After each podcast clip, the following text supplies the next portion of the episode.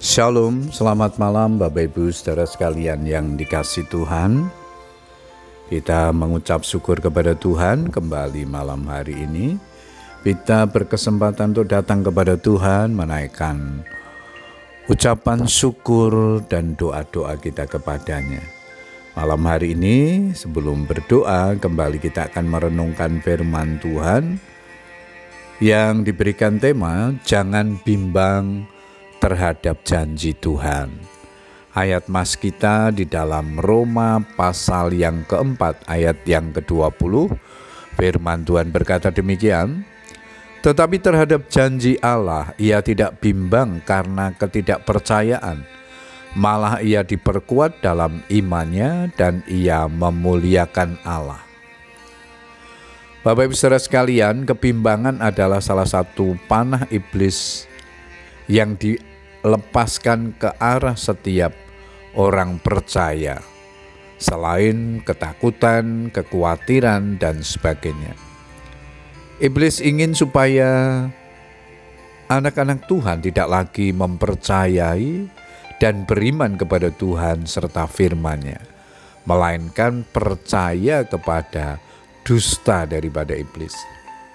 Jelas sekali bahwa kebimbangan adalah musuh dari iman Selama kebimbangan menguasai hati dan pikiran seseorang, mustahil ia akan mempercayai janji Tuhan yang tertulis di dalam Alkitab. Secara fisik, mungkin saja seseorang berada di tempat ibadah dan mendengarkan firman Tuhan, tetapi sesungguhnya firman tersebut tidak lagi mendapat tempat di hati dan pikirannya. Secara manusia, Abraham punya alasan menjadi bimbang ketika Tuhan berkata, "Aku akan membuat engkau menjadi bangsa yang besar."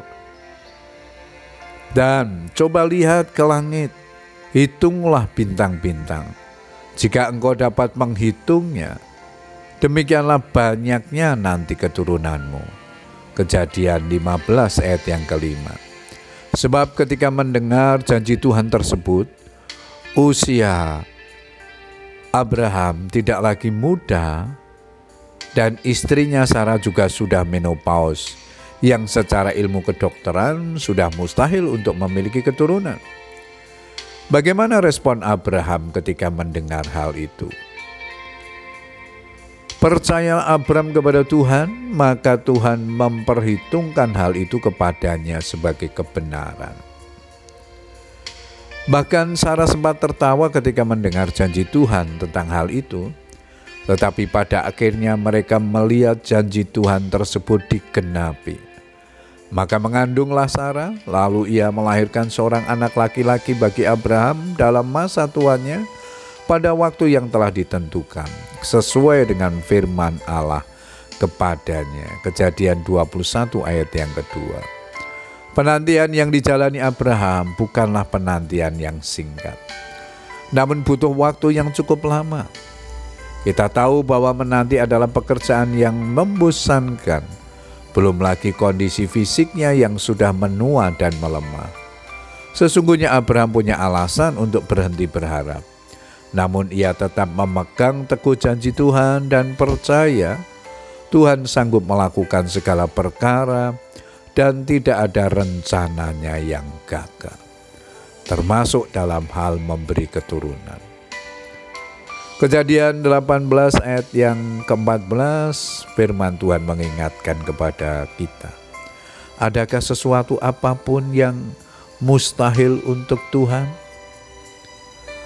Puji Tuhan Bapak Ibu Saudara sekalian, biarlah peringatan firman Tuhan ini akan menolong kita untuk terus mempercayai Tuhan.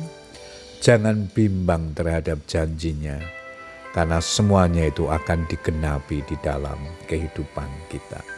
Selamat berdoa dan berharap kepada Tuhan. Tuhan Yesus memberkati. Amin.